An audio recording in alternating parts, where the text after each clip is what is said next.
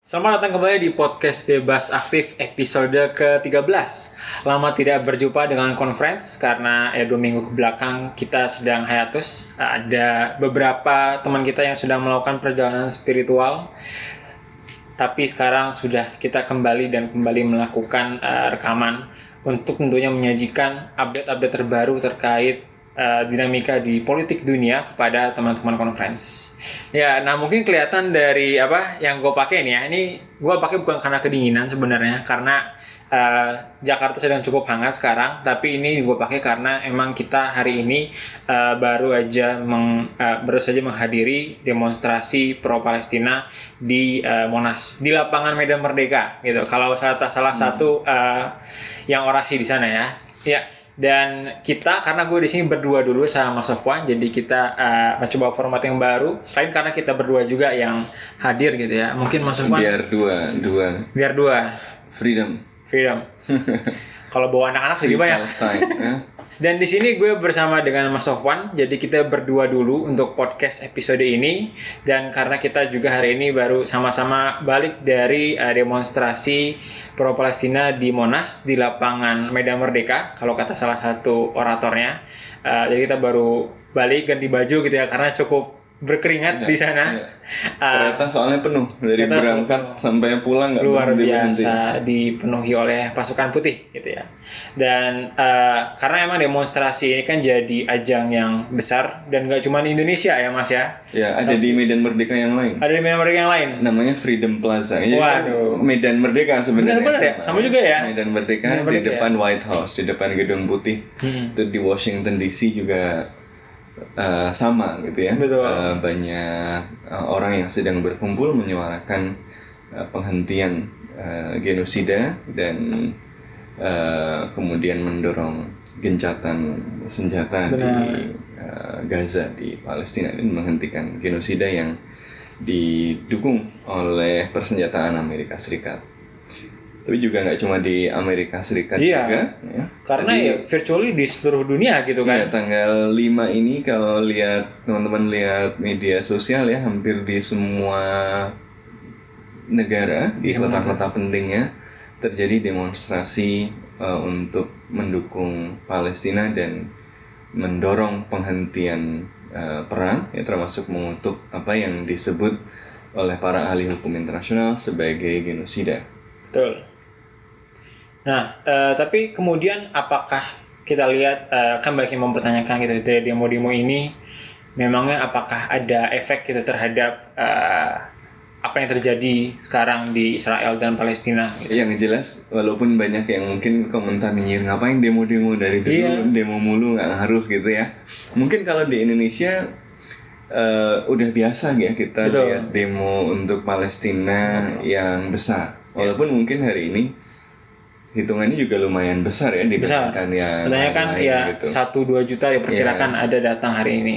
Nah kalau angka gue nggak tahu deh. Ya itu kan di kabarnya berapa, tapi videonya ya luar biasa. kelihatan besar dan kereta uh, juga lumayan penuh dan semua ini penuh. Tapi Indonesia biasa lah ya karena uh, ya dukungan pada Palestina di sini itu ya relatif yeah. uh, besar It, ya yeah, secara the norm, tradisional gitu kan? ya ini normanya ya bahkan menteri-menteri pada datang yeah, gitu yeah, kan yeah. ada Pak Muhajir ada uh, Bu Puan, Bu Puan ya, ada dan Bu Menlu, Bu Menlu ya, ya uh. juga hadir dalam kegiatan tersebut jadi sebenarnya ya posisi normal gitu yang menurut gue penting adalah kalau Indonesia sudah biasa, yeah. tapi yang kita saksikan dalam beberapa hari terakhir ini adalah demonstrasi-demonstrasi besar di pusat-pusat uh, pemerintahan atau di kota-kota penting di barat yeah. yang elit-elitnya memberikan lampu hijau dan cek kosong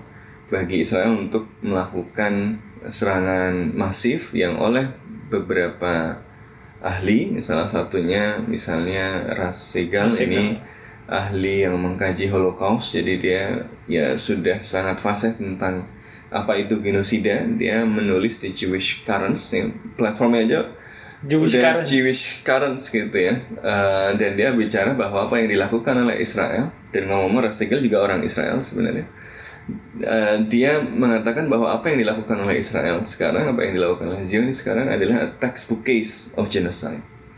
Dan ini diamini juga oleh para uh, pengamat dan ahli hubungan internasional maupun ahli hukum internasional yang lain yang uh, kemudian mengatakan bahwa apa yang dilakukan oleh Israel ini sudah ya melewati Eh, batas-batas uh, yang diperbolehkan dalam hukum perang ya bahkan ya sampai pada derajat uh, genocide tadi ya. Kayak kalau melewati hukum perang sih sejak dulu sebenarnya ya, ya. tapi the scale-nya ya, gitu sekarang. Ya bahwa jumlah korban yang uh, terbunuh dalam uh, beberapa pekan terakhir ini kan luar biasa. Satu setiap satu jam itu 40 anak Palestina uh, terbunuh gitu ya, ya uh, kalaupun Anda menerima bahwa Hamas itu melakukan hal yang tidak dapat diterima, untuk kemudian merespon dengan membunuh 45 anak satu jam gitu ya, puluhan anak dalam satu jam kan tidak masuk akal juga gitu ya. Itu kalau kita mengabaikan konteks, bahkan kalau kita mengabaikan Betul. konteks pun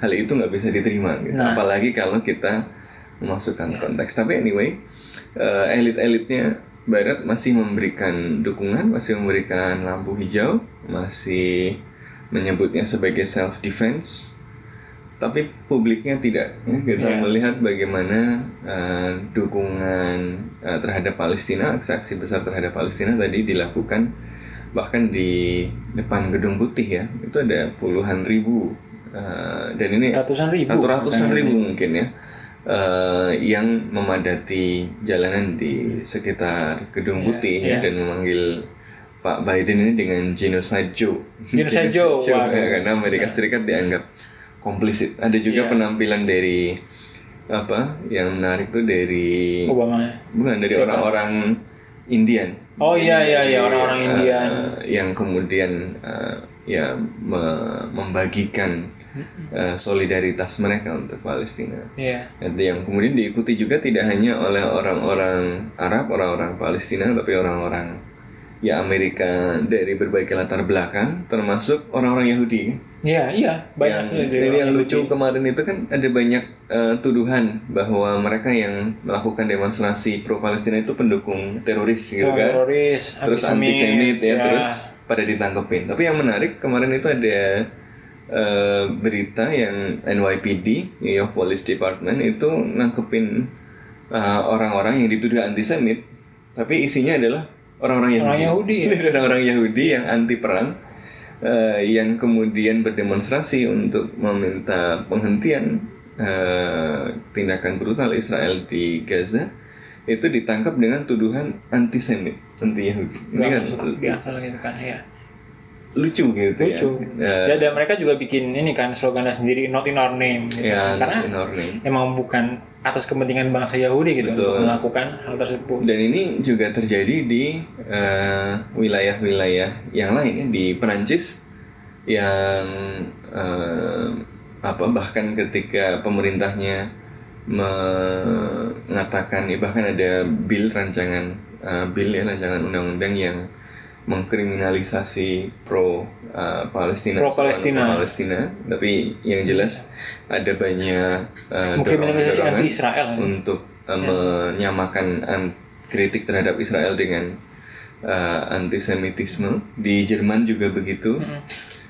ya Jerman ya Jerman Jerman ini negara yang dulu melakukan Holocaust ya kini mau mengulangi Holocaust hmm. lagi ya tapi anyway uh, uh, kemudian kita melihat despite all the uh, ban ya despite semua yang dilakukan oleh aparatur pemerintah untuk kemudian menekan dukungan terhadap Palestina tersebut ya kita melihat demonstrasi-demonstrasi tetap terjadi dengan besar di negara-negara barat ini.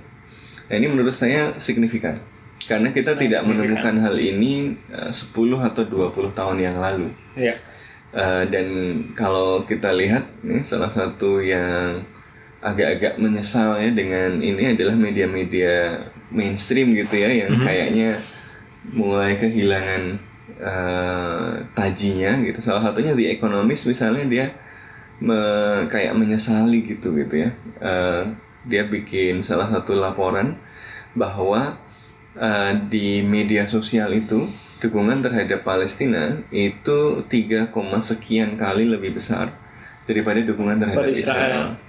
Uh, dan dia memberikan jawaban sendiri kenapa hal itu terjadi karena di media sosial itu yang banyak menggunakan adalah anak-anak muda Mhm. and young people are usually pro Palestinian. Pro-Palestinian. Menurut gue ini signifikan. Ya. Jadi ada Eh, generational divide itu ada juga ya. generational uh, gap, ada generational uh, divide, dan bahwa uh, seruan untuk kebebasan Palestina ini adalah generasi yang sedang tumbuh. Betul. Ini adalah uh, generasi yang Generasi yang kita. muda, ya generasi kita. Juga. Boleh. Masih dong, masih muda dong.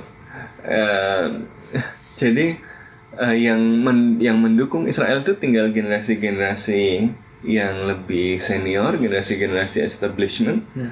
Sementara uh, generasi-generasi mudanya itu relatif uh, lebih pro Palestina. Ini kita lihat bagaimana establishment termasuk yang tadinya dikenal progresif ya seperti uh, Sanders Mhm. ya Bernie uh, Sanders sikap awalnya tadinya uh, apa ya terlihat juga tidak berani terlalu keras mengkritik Israel kan Iya. uh, di sikap-sikap awalnya tapi kemudian staff-staff dia staffersnya dan former staffersnya Yang muda-muda. yang isinya anak-anak Ya. muda kirim surat sama bosnya Hmm. bos gue dukung lu dulu karena gue tahu lu nggak kayak gitu Iya. Dan lu nggak kayak establishment yang lain kalau lu sekarang cuma kayak gitu doang ngapain gitu kan Eh, tunjukkan bahwa kepercayaan yang gue kasih ke lu dulu benar kami dulu berjuang untuk eh, cita-cita kesetaraan ya bagi manusia tapi kenapa lu jadi kayak gitu gitu kan kira-kira Hmm. ya kemudian gitu. memberikan dampak juga pada eh, ya sebagian elit ini tentu eh, dampaknya masih belum terlalu besar lagi bahwa sekarang orang-orang sudah keluar dan secara terbuka memberikan eh, kritik kepada Israel ya, bahkan secara terbuka menyebut Israel sedang melakukan genosida gitu ya Eh, despite semua teror dan semua apa eh, defamation ya kan anak-anak Harvard yang bikin Doxing surat gitu itu kan di doxing Di doxing. Di, dibilang nggak bakal dapet kerja nih, tolong iya. blacklist. ada namanya Canary Project Apa itu? Eh, jadi dia ngelis nama mahasiswa-mahasiswa atau orang-orang yang dianggap antisemit Iya. jadi kayak website khusus untuk Bahkan- ini loh ini orang Iya. eh, antisemit jangan dikasih kerjaan gitu Bahkan ada yang diputerin pakai truk iklan gitu kan, mobil iklan. ya, oh, niat banget gitu. Iya. Untuk mendukung orang. Tapi ternyata nggak menyurutkan eh, tadi semangat Benar. untuk eh, kemudian membela Palestina tadi. Nah menurut gue ini menarik eh, dan karakternya mungkin lain ya. Kalau di Indonesia kan ada aspek sentimen keagamaan, ada aspek ya memang pengalaman kolonial, Kolonial juga. kita gitu ya. Tapi di negara-negara Barat ini kemudian menarik karena eh, ya dia berada di metropolis yang mungkin malah lebih meter gitu ya. Amerika Serikat ini kenapa Israel bisa melakukan apa yang dia lakukan hari ini? Ya karena elit-elit negara besar itu komplisit Iya. ya kan? Kenapa Israel bisa buang-buang eh, amunisi Mhm. ya kan setiap hari ini ngomong-ngomong sebelum 7 Oktober itu kan dari tahun ya dari 1 Januari sampai 6 Oktober aja udah 200 orang kan dibunuh di- oleh Israel gitu ya Eh, jadi tidak dimulai dari 7 Oktober baru satu tahun aja hampir tiap hari ada orang Palestina dibunuh oleh Israel Eh, kenapa bisa boros banget ya kita bunuh orang kan modal juga ya Iya. ya kan Kita hitung-hitung sih. peluru kan harganya mahal. Eh, ya karena ada sumbangan yang Sumbangan rutin ya, rutin. permanen. Tiap Yang tahun pasti. Iya. ada 3 miliar US dollars dari Amerika Serikat. Ini tambah lagi 14,3 14,3 miliar, eh, dolar ya. Luar biasa. Sementara Ukraina yang eh, counter ofensifnya nggak berhasil berhasil, Nggak dikasih lagi. nggak ya. dikasih lagi. Iya. Kasihan bener Ukraina ini. Ya, sementara itu sementara rakyatnya sendiri Iya. gitu yang nggak dapet nggak ada healthcare Oh, di, juga di jalan lubang-lubang nggak ditambal gitu kan Iya, lancar jadi- terus ya, keluar negeri sementara 14,3 triliun itu dikasih dengan gampang padahal orang semua orang lihat bahwa yang sedang dilakukannya adalah kejahatan perang kejahatan kemanusiaan. Ini kan absurd gitu ya. Eh, nah tapi bahwa kemudian an- orang-orang mulai bilang bahwa ini absurd loh ini nggak masuk akal loh. Not in my name loh. Ini kira-kira kalau zaman dulu kayak ketika orang-orang Belanda baca Max Havelaar gitu ya. Hmm. ketika orang-orang Belanda, orang-orang Belanda itu dulu ngira bahwa penjajahan di Indonesia itu adalah Kebaik hatian, orang-orang ya. kulit putih gitu kan white man's burden. Bahwa ini orang-orang eh, Jawa ini yang otaknya cuma separuh atau seperempatnya orang-orang Eropa ini kalau nggak dibantu mereka saling membunuh satu sama lain gitu ya. Jadi kita datang memberikan pencerahan gitu ya, kemudian eh, mengajari mereka beradab, gitu, sehingga mereka bahagia. Jadi a- penjajahan itu runtuh tidak hanya eh, melalui perlawanan dari yang dijajah, tapi dari kehadiran kesadaran di wilayah-wilayah wilayah. metropolis penjajahan betul betul yang mereka kemudian eh, sadar bahwa penjajahan ini adalah kejahatan tidak hanya pada orang-orang yang dijajah itu, tapi kejahatan pada kita juga loh. Karena penjajahan itu kan tidak hanya eh, merugikan yang dijajah saja. Negara di, di pusat negara penjajah itu yang yang diuntungkan adalah penjajahan ini siapa sih? Mhm. Cuma segelintir Segelintir elitnya elit juga aja. gitu ya tadi contoh paling sederhana kalau di Amerika Serikat sekarang orang mau dapat welfare aja susah gitu kan Iya. orang mau infras bangun infrastruktur susah Nah, infrastrukturnya eh, kebanjiran juga gitu kan New York tuh kebanjiran loh subway-nya Iya. Eh, Di sini juga ada yang berkebanjiran. sama jadi kita sudah selevel kayak Udah New selevel ya. New York. Big durian sama big Iya. apple kan ya beda-beda dikit eh, sama sama buahnya. Nah tapi pada saat yang bersamaan ternyata duit yang dikumpulin susah-susah lewat pajak itu dikirim Dikirim keluar semua. eh, keluar untuk ngirim senjata. Itu kan ada yang dirugikan, eh, sementara yang diuntungkan adalah eh, orang lain gitu Betul. kan, yang eh, ya e- elit-elit yang diuntungkan oleh military industrial Iya. kompleks saja gitu. Benar-benar. Nah, Iya. Dulu, dulu juga begitu kan, yang yang diuntungkan oleh penjajahan ya hanya elitnya. Tapi ketika kemudian mereka yang ada di pusat-pusat metropolis eh, ini kemudian protes ya di negara-negara yang memungkinkan Israel melakukan apa yang dilakukannya sekarang ini dengan bantuan militer ya dan macam-macam itu ya pasti berubah dong ada Benar. ada constraint apalagi eh, kalau negara-negara ini merasa bahwa mereka adalah demokrasi ya Iya, mereka kan nah. ceramah demokrasi di mana-mana ya mereka ketika publiknya ngomong harusnya mereka Harusnya mereka dengarkan dengerin. dong ya Iya, kecuali memang mereka sudah mau Autokrasi. jujur bahwa mereka bukan demokrasi sih Iya, gitu kan benar-benar. Eh, kalau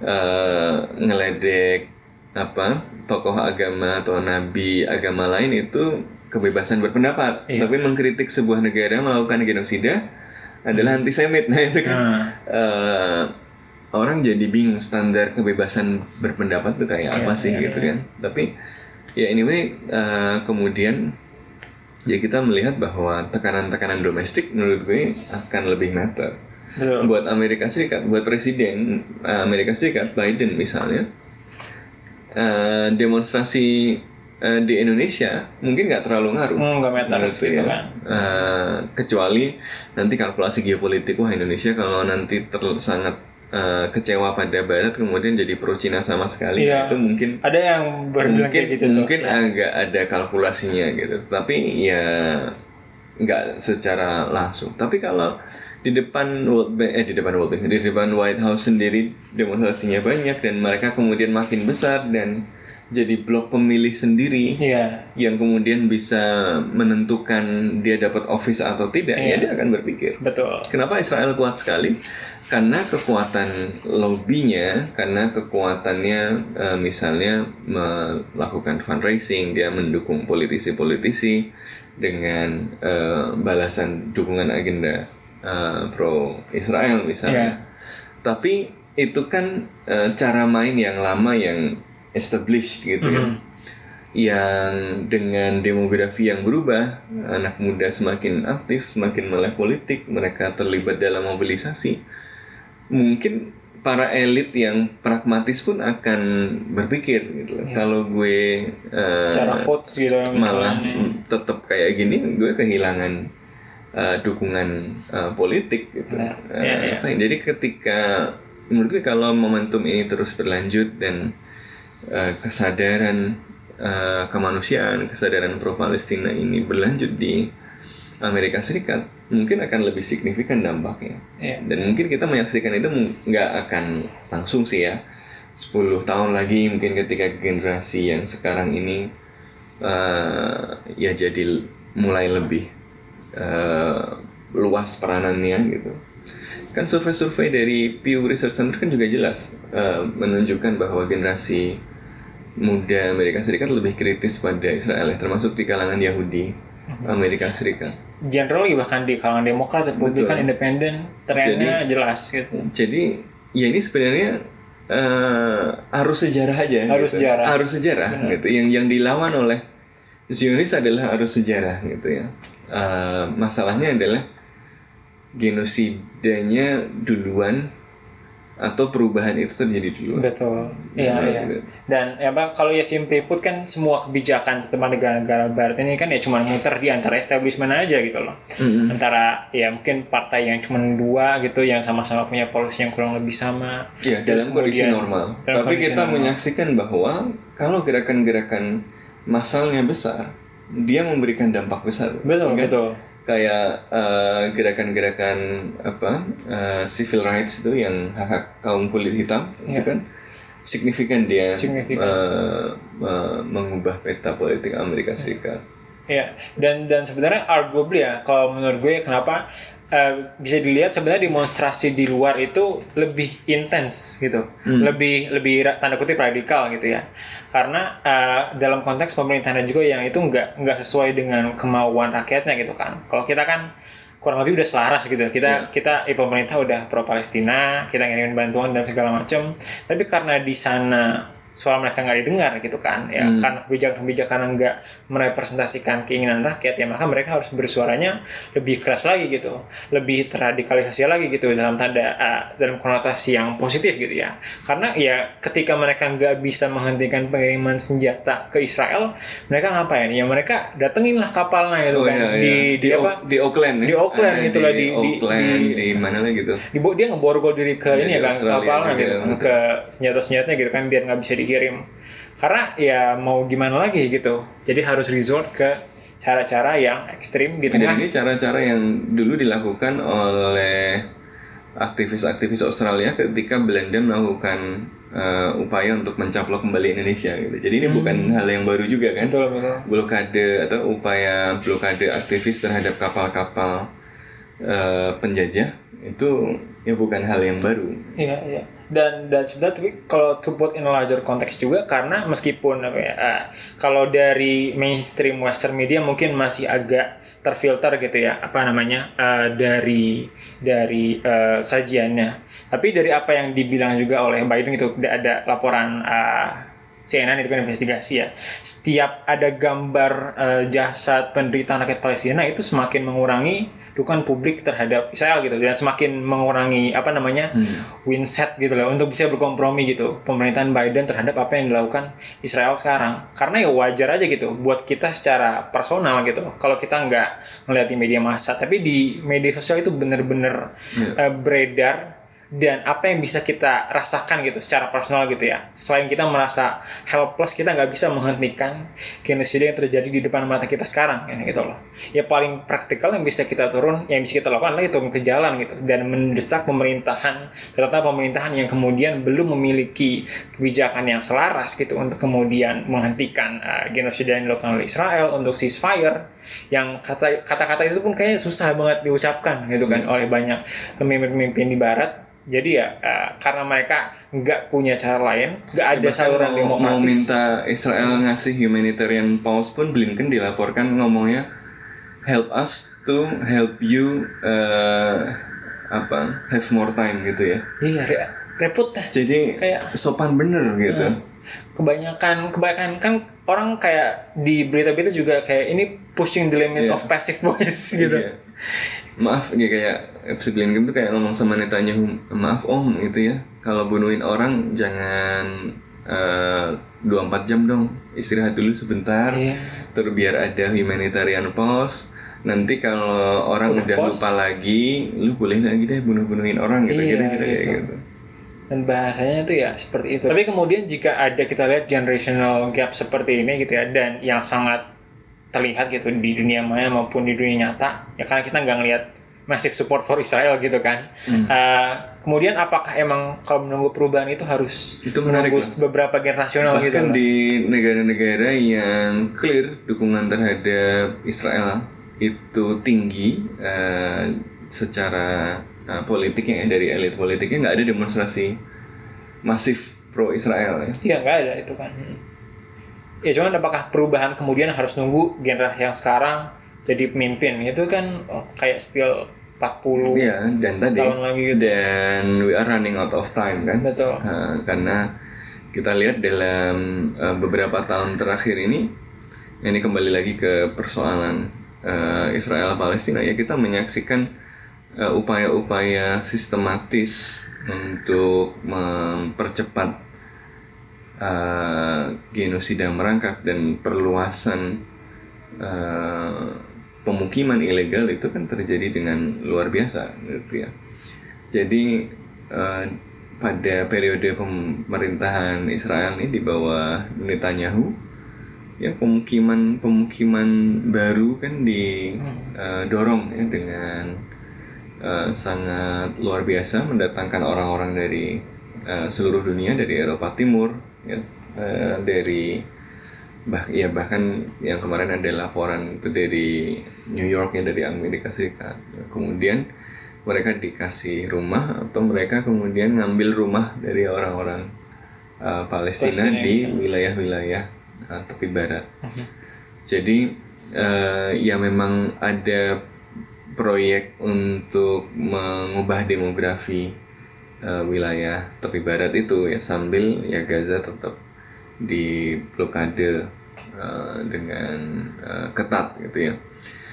Nah lalu pada saat yang bersamaan kita menyaksikan untuk merampungkan hal ini ya orang-orang Palestina harus dibatasi kebebasannya maka kita menyaksikan bagaimana sistem apartheid diperlakukan.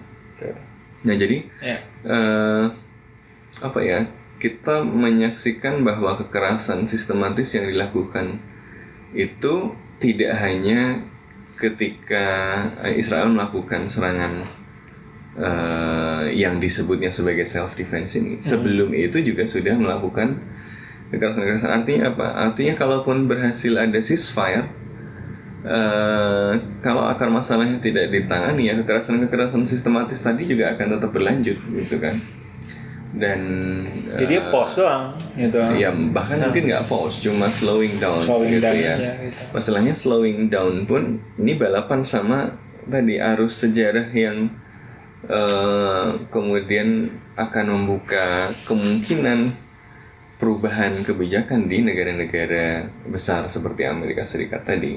Jadi ini balapan gitu ya. Siapa yang bisa lebih cepat mengkonsolidasikan eh, dukungan tadi untuk perubahan politik di Amerika Serikat, ya, politik yang lebih rasional, politik yang lebih masuk akal seperti yang dibilang Walt dan Marsheimer kan bahwa politik luar negeri Amerika Serikat soal Timur Tengah itu nggak masuk akal, Masuk akal. eh, dan merugikan Amerika Serikat sendiri. Ya ya. Apa untungnya buat Banyak Amerika interest. Serikat coba sikapnya kayak gini sekarang? Eh, semua orang tahu bahwa liberal international order itu omong kosong gitu. Iya.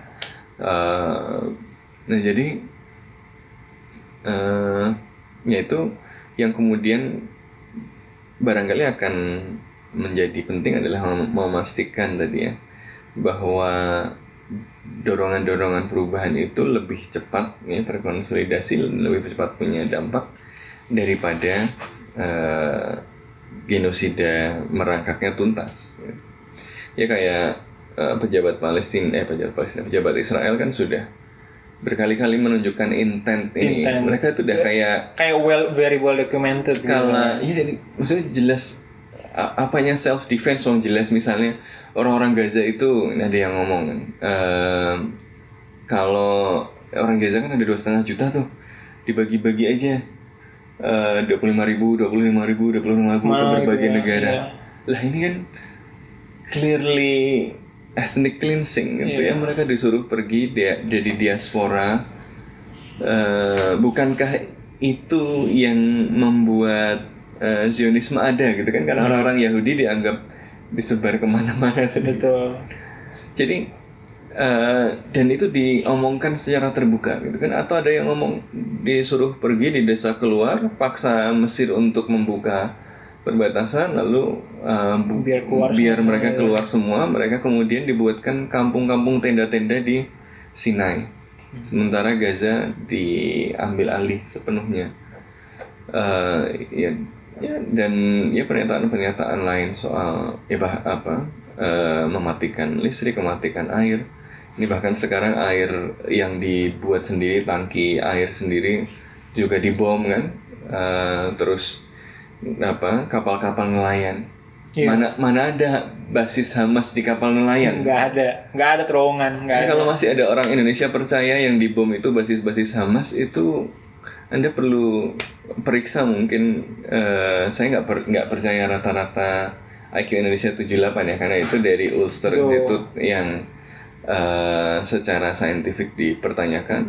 Tapi kalau Anda masih percaya bahwa eh, yang dibom itu basis Hamas barangkali Anda perlu ngecek gitu karena karena IQ-nya gitu karena barangkali ya se- segitu. Kalau nggak eh, mungkin ya ya bodoh jahat atau ya ya yang lain tapi Iya. atau atau ya atau atau barangkali barangkali ada bias biasnya sendiri ada gitu bias kan yang kemudian harus kita periksa Betul. eh, sama-sama yuk kita obrolin gitulah Kita obrolin di podcast Bebas gitu Aktif. ya, di podcast bebas aktif kalau ada yang pro Israel ya silahkan eh, kirimkan email gitu nanti kita eh, diskusi di sini juga silahkan. Nanti bisa kita undang podcast. Bisa kita undang. Bisa diatur lah. Tapi yang intinya jadi mengclearkan gitu kan.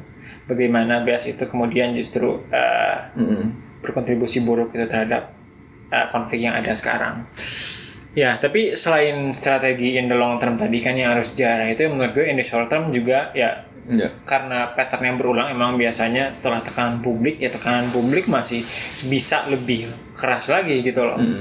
bahwa harus ada konsekuensi yang jelas gitu. Kalau misalnya kita ngomong di negara demokrasi ya konsekuensi secara elektoral. Betul. gimana itu kan? Misalnya kayak ada beberapa muslim di negara swing state itu yang kayak mereka kan cuma sepuluh ribu dua ribu. Tapi kalau mereka nggak vote Biden misalnya di tahun depan Iya. nah itu bisa flip gitu kan presidensi. Jadi Iya, tapi eh, jadi Trump ya. jadi tam ya. Nggak mereka nggak harusnya di corner karena itu kan. Iya, tapi eh, apa namanya gimana ada ya tapi eh, sama aja Biden sama aja. begitu Trump juga begitu ya Trump ngapain milih ya kan? Iya ya tapi apa bagaimana kita translate our voices our vote our our vote gitu ya kalau misalnya dalam sistem demokrasi ataupun ya our street activism juga kemudian ya itu menjadi sesuatu yang Mm. politically untolerable gitu ya secara positif karena ya udah nggak bisa lagi nih gua terus menerus ngasih uang udah nggak bisa lagi nih gua terus menerus memberikan cek kosong karena dalam kondisi di mana ya pemimpinnya establishmentnya masih eh, terikat dalam jaring-jaring pro Israel Iya. ya itu yang bisa kita lakukan gitu sekarang Ya, ya. Jadi yang diserang itu bukan cuma Gaza, yang diserang itu bukan cuma Palestina, yang diserang itu adalah kemanusiaan. ya kan? Eh, kalau anda masih mau ke manusia terus lihat ada bayi-bayi dibunuhin gitu ya, dan itu video nggak bisa dibantah. Kalau anda manusia, saya yakin komentarnya bukan tuh bayinya atau itu keluarganya pendukung Hamas bukan ya? Iya. Itu nggak mungkin Itu komentarnya bukan- kayak itu gitu. bukan komentar M- m- manusia menurut gue kalau normal. orang masih komentarnya salahin Hamas gitu ya terus eh, itu gara itu orang tuanya eh, pendukung Hamas atau bukan dan seterusnya itu menurut gue sih sudah apa ya eh, mengalami desensitisasi yang luar biasa Iya, gitu iya. sebagai manusia kan terhadap Eh, Palestina gitu ada korban-korban Palestina gitu sehingga mereka nggak dianggap sebagai manusia yang beneran sehingga kalau kita lihat bayi-bayi meninggal gitu ya. Uh, oh videonya ber, berkeliaran luar biasa ya dan uh, saya kira orang normal harusnya reaksinya jelas bahwa ya ini serangan pada kemanusiaan dan kalau dia adalah serangan pada kemanusiaan yang bisa menghentikan adalah solidaritas kemanusiaan. Hmm. Makanya demo-demo ini hanya simptom dari solidaritas itu ya dia akan punya dampak kalau dia kemudian uh, dilanjutkan dengan uh, tadi tindakan-tindakan advokasi yang terarah gitu. lebih uh, konkret gitu ya. Jadi bisa elektoral di negara-negara yang uh, demokratik. Uh, bisa juga kemudian tindakan-tindakan uh, uh, langsung yang bisa yeah. mendisrupsi direct action uh, uh, uh, mesin mesin pelanggaran uh, terhadap kemanusiaan ini. Misalnya politik, tadi yang dilakukan uh. yang dilakukan oleh beberapa aktivis yang di Auckland ya di uh, Australia juga ya yang mereka me, apa memboikot atau membuat kapal yang mau ngirim senjata itu nggak bisa berlayar gitu karena kemudian mereka duduki mereka ikat walaupun akhirnya sama polisi diusir ya tapi ya menunda beberapa jam itu ya, kan. ya. Uh, tetap. lumayan gitu ya. Sampai mungkin yang ngirim ada ada tuh videonya mereka yang ngirim tuh sampai ngerasa gue bener nggak ya ngelakuin ini? gitu. Jadi hmm. si kapal nah, yang ngangkut itu benar, benar. sampai ragu-ragu gitu. Ya, gue itu melakukan hal yang bener gitu gak sih gitu kan. Ketika that is working gitu. Benar, nah itu yang langsung. Yang lain misalnya kayak ada gerakan BDS ya BDS boycott diverse sanction uh, ini gerakan yang mendorong uh, boykot tertarget. Jadi ada beberapa uh, merek ya, atau perusahaan-perusahaan yang melalui berbagai penelitian itu uh, terlibat dalam pelanggaran-pelanggaran uh, kemanusiaan atau kejahatan-kejahatan kemanusiaan yang dilakukan di wilayah pendudukan yang uh, tentu saja produknya kalau yang mendukung uh, uh, penjajahan banyak sekali tapi yang uh, kemudian terbukti punya hubungan langsung dengan misalnya kejahatan di wilayah pendudukan ya kemudian di list beberapa yang uh, paling penting gitu ya supaya uh, tertarget. Nah beberapa yang berhasil misalnya dulu ada pabriknya Elbit System ini pabrik senjata Amerika eh pabrik senjata Israel gitu di Inggris ya. Mm -hmm. yang kemudian akhirnya tutup gitu. Karena? Karena uh, boykot ya seruan boykot ini dari mm. uh, uh, BDS ada beberapa perusahaan juga kemudian keluar. Jadi uh, boykot uh, itu working gitu working. walaupun dampaknya mungkin belum terlalu besar bahwa masih kecil ya tapi ini kayak self fulfilling prophecy. Ah kita boykot nggak ngaruh gitu. Akhirnya nggak ada boykot nggak ngaruh. Tapi kalau uh, sedikit demi sedikit orang mulai percaya saya nggak mau uh, sebagian uang saya yang saya gunakan ini digunakan untuk mendanai pembunuhan bayi-bayi gitu kan? Uh, ya uh, dia akan akan berdampak gitu ya sedikit sedikit jadi ada uh, ya ada dampaknya ketika kita percaya bahwa dia berdampak. Hmm. Nah ini tadi uh, tadi direct action kalau ada kapal-kapal yang uh, docking gitu ya diganggu atau tadi boykot yang mungkin bisa kita lakukan juga secara lebih sistematis. Ya, ya, ya, ya, ya mungkin uh, all in all intinya sebenarnya ada banyak hal yang bisa kita lakukan gitu Betul. gitu ya. Meskipun uh, terutama mungkin teman-teman kita, our friends in the West gitu ya, hmm. yang kemudian pemerintahnya itu uh, tidak merefleksikan kemauan uh, rakyatnya dalam hal kebijakannya di konflik Israel Palestina itu ya kita bisa melakukan banyak hal kita bisa hmm. demo kita bisa melakukan direct action kita bisa melakukan boycott atau kita bisa sederhana share di sosial media gitu kan karena ya hmm. ya itu juga yang jadi trigger utama gitu loh bahwa kita semua tuh nggak mampu lihat ini lebih banyak lagi gitu kita nggak mampu lihat korban dan uh, ya orang luka-luka itu semakin banyak jatuh terutama di sisi Palestina dan di semua sisi sebenarnya di semua ya. sisi di semua sisi kita nggak uh, cuman fokus kepada salah satu aja uh, semuanya penting dan kita semua tidak ingin melihat pertumpahan darah yeah. terus berlanjut yeah. dan itu yang kemudian harus menjadi uh, yang kita usahakan gitu ya dalam jangka pendek maupun jangka panjang. Ya, yang jelas uh, ketidakadilan uh, dan kekuatan uh, militer yang digunakan untuk mempertahankan ketidakadilan itu uh, tidak akan bisa menghadirkan kedamaian. Betul. Nah, jadi uh, apa yang kemudian uh, terjadi walaupun nanti misalnya Israel berhasil meluluhlantakan Gaza gitu ya sampai katanya ada yang ada pejabat Israel yang ngomong nuklir sudah jadi Hmm, bisa jadi jadi opsi. opsi katanya uh, ya mind blowing gitu kalau masih ada yang ngomong ini self defense gitu kan. Uh, itu apa ya ia tidak akan memberikan kedamaian pada Israel sendiri juga Betul, karena pada betul. dasarnya eh, serangan-serangan yang dilakukan itu bukan serangan pada Palestina saja bukan serangan pada Gaza saja tadi tapi tadi serangan pada kemanusiaan.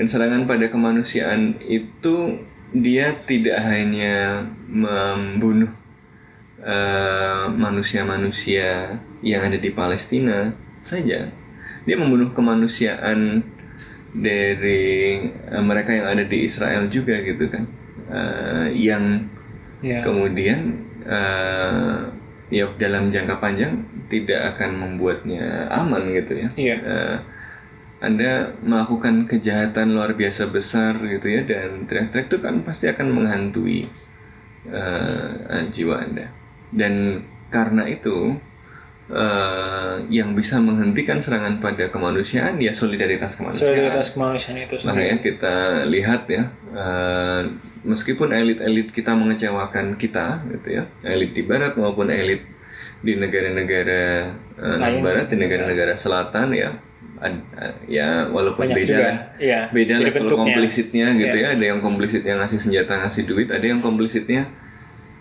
ya ya secara performatif eh, melakukan sesuatu tapi sebenarnya nggak terlalu berdampak gitu ya tetapi ya yang bisa kemudian mendorong perubahan ini adalah rakyat sendiri Betul. gitu ya adalah Iya. eh, solidaritas antar manusia Betul. itu sendiri gitu ya dan senang sekali kan kali dan hati ini hangat kan luar biasa kalau kita lihat misalnya ada teman-teman eh, lintas eh, agama lintas identitas Iya. gitu ya yang eh, Seperti, seperti demo di- hari ini.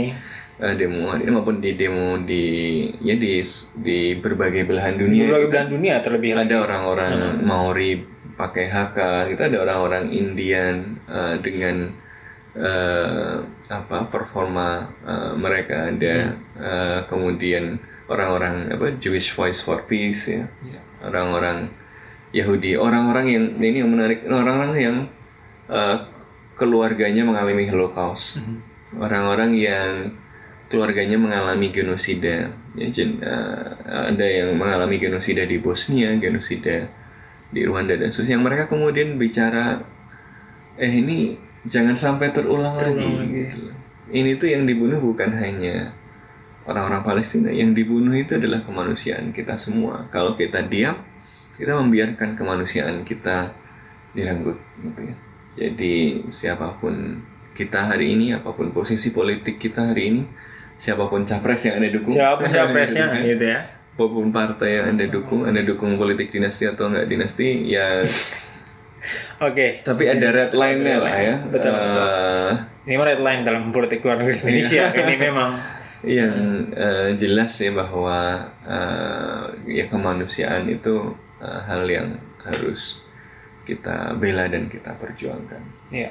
dan saya kira clear dalam persoalan ini. Masalahnya a textbook case of genocide kata Resegal ya kata apa eh, seorang pejabat tinggi di PBB juga ya yang mundur karena dia nggak bisa ngapa-ngapain. Craig Mohaber eh, ini ngirim surat eh, pengunduran diri karena ya kita ini institusinya dibuat untuk mencegah kayak gini terjadi lagi. Sekarang ini terjadi di depan mata kita dan kita nggak bisa ngapa-ngapain.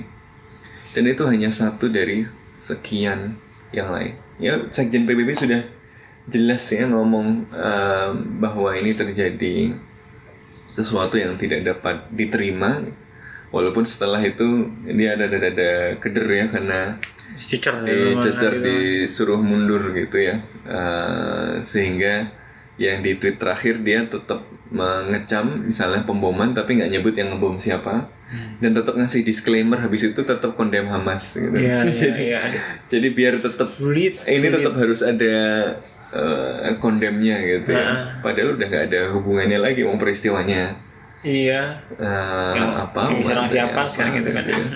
Nah, jadi, tapi eh, bahwa orang-orang itu sudah mau kemanusiaan itu meronta-ronta gitu ya. Betul. Eh, dan eh, ya saya kira biarkan nurani kita eh, kemudian menggalang solidaritas itu.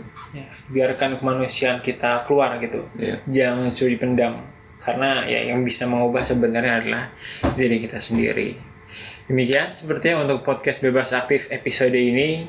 Eh, semoga konflik ini dalam jangka pendek bisa segera Jadi demo ngaruh nggak? Demo ngaruh dong. Ngaruh dong. Ngaruh dong. Ntar kita lihat demo dijadwalkan kapan lagi. Eh, nanti kita bisa ikut berpartisipasi Nah, bersama-sama. Mungkin skalanya beda-beda dan macam-macam, tapi ya tadi ini self fulfilling prophecy. Kalau kita percaya tindakan kita nggak ngaruh, kita nggak bisa apa-apa, ya udah. Ya udah nggak akan ada yang berubah. Tapi kalau kita percaya bahwa kita bisa melakukan sesuatu, we shall overcome ya kalau dulu Iya. kata aktivis civil rights movement, ya kita akan overcome, gitu ya. Ya maka percaya pada kekuatan solidaritas kemanusiaan, eh, lakukan apa pun yang kita bisa, gitu ya, sekecil apa pun itu. Oke. Oke, kalau gitu sampai jumpa di episode selanjutnya. Free Palestine. Mantap.